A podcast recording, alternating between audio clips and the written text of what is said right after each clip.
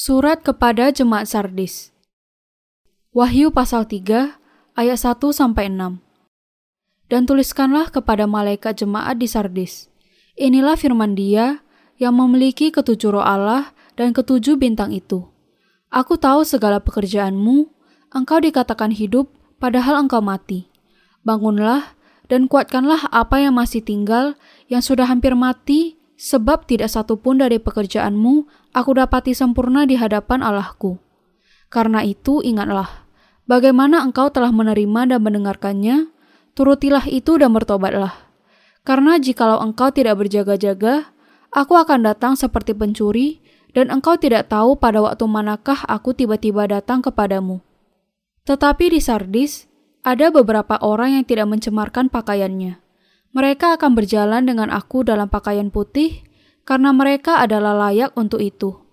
Barang siapa menang, ia akan dikenakan pakaian putih yang demikian.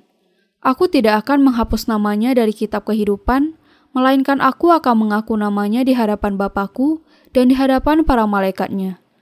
Siapa bertelinga, hendaklah ia mendengarkan apa yang dikatakan roh kepada jemaat-jemaat. Eksegese Ayat 1 dan tuliskanlah kepada malaikat jemaat di Sardis. Inilah firman dia yang memiliki ketujuh roh Allah dan ketujuh bintang itu. Aku tahu segala pekerjaanmu, engkau dikatakan hidup, padahal engkau mati. Tuhan memiliki ketujuh roh Allah dan ketujuh bintang. Jemaat Sardis memiliki banyak kekurangan di dalam kehidupan iman mereka. Karena itu, Allah memperingatkan supaya mereka hidup oleh iman. Allah mengatakan di sini kepada pelayan jemaat Sardis, "Engkau dikatakan hidup, padahal engkau mati." Dengan perkataan ini, Allah mengatakan bahwa iman pelayan jemaat Sardis adalah mati untuk semua tujuan praktis. Ayat 2. Bangunlah dan kuatkanlah apa yang masih tinggal yang sudah hampir mati, sebab tidak satu pun dari pekerjaanmu aku dapati sempurna di hadapan Allah. Tuhan tidak lagi mengizinkan malaikat jemaat Sardis untuk meneruskan kelemahan iman mereka. Ia mencela jemaat ini karena mereka sudah hidup tanpa iman yang penuh kepada firman Allah. Kalau orang-orang kudus tidak menjalani kehidupan mereka dengan sepenuh hati, percaya kepada firman Allah yang tertulis, sama saja dengan melakukan dosa di hadapan Allah. Bahkan meskipun lemah, kalau orang-orang kudus hidup oleh iman kepada firman Allah, mereka akan ditinggikan di hadapan Allah dan manusia. Untuk bisa menjadi orang-orang kudus yang demikian, kita harus menjalani kehidupan kita dengan kesetiaan, percaya kepada dan mengikuti firman Allah yang sudah menjadi kehidupan orang-orang kudus sempurna. Ayat 3 Karena itu ingatlah bagaimana engkau telah menerima dan mendengarnya, turutilah itu dan bertobatlah. Karena jikalau engkau tidak berjaga-jaga, Aku akan datang seperti pencuri, dan engkau tidak tahu pada waktu manakah aku tiba-tiba datang kepadamu. Orang-orang kudus dan pelayan jemaat Sardis harus membayar pengorbanan yang tidak terhitung untuk mendengar dan memelihara Injil air dan roh. Karena itu, Tuhan mengingatkan supaya mereka tidak kehilangan iman mereka kepada Injil air dan roh yang sangat berharga ini, Injil yang sudah diperoleh dengan pengorbanan yang demikian banyak dan bahkan dengan hidup mereka sendiri. Orang-orang percaya harus dengan jelas menunjukkan iman mereka dan perbuatannya kepada Allah dengan berpegang teguh kepada Injil keselamatan sempurna dari air dan roh ini.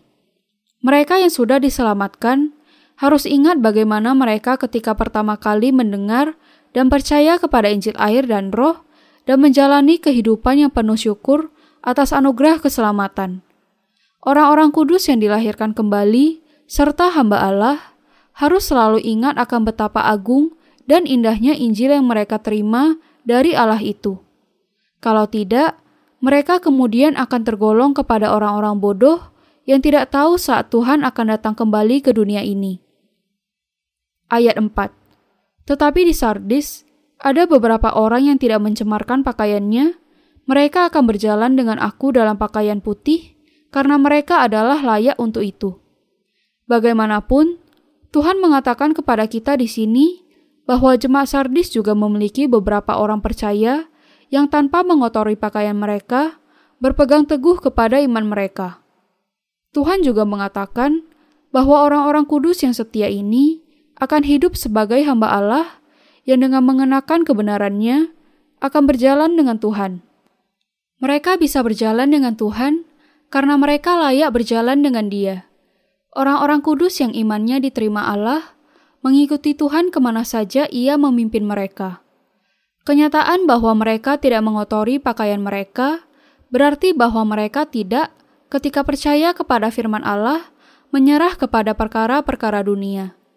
Mereka yang sudah mengenakan pakaian kebenaran dengan Injil air dan roh yang diberikan Allah berpegang teguh kepada firman-Nya dan tidak menjadi serupa dengan dunia ini.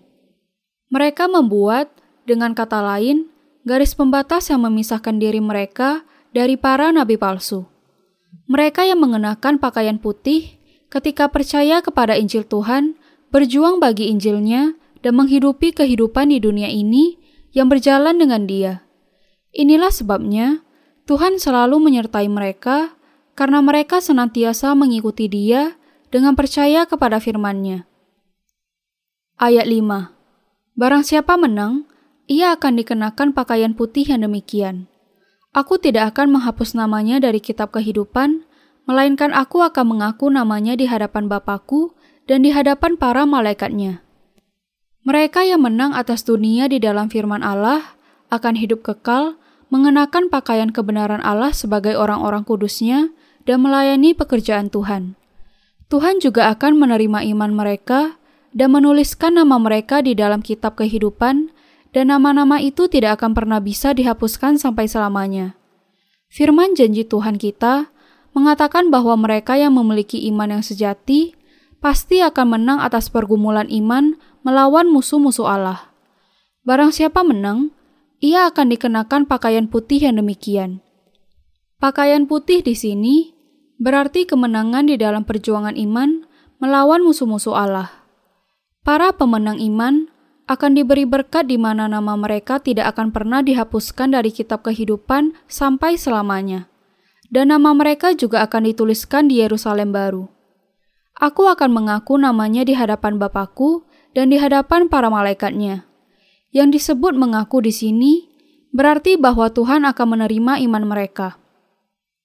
Ayat 6 Siapa bertelinga, hendaklah ia mendengarkan apa yang dikatakan roh kepada jemaat-jemaat. Mereka yang memiliki iman yang benar akan senantiasa mendengarkan apa yang dikatakan roh kudus kepada mereka melalui gerejanya. Dengan demikian, mereka hidup dengan Allah dan selalu dituntun oleh roh kudus.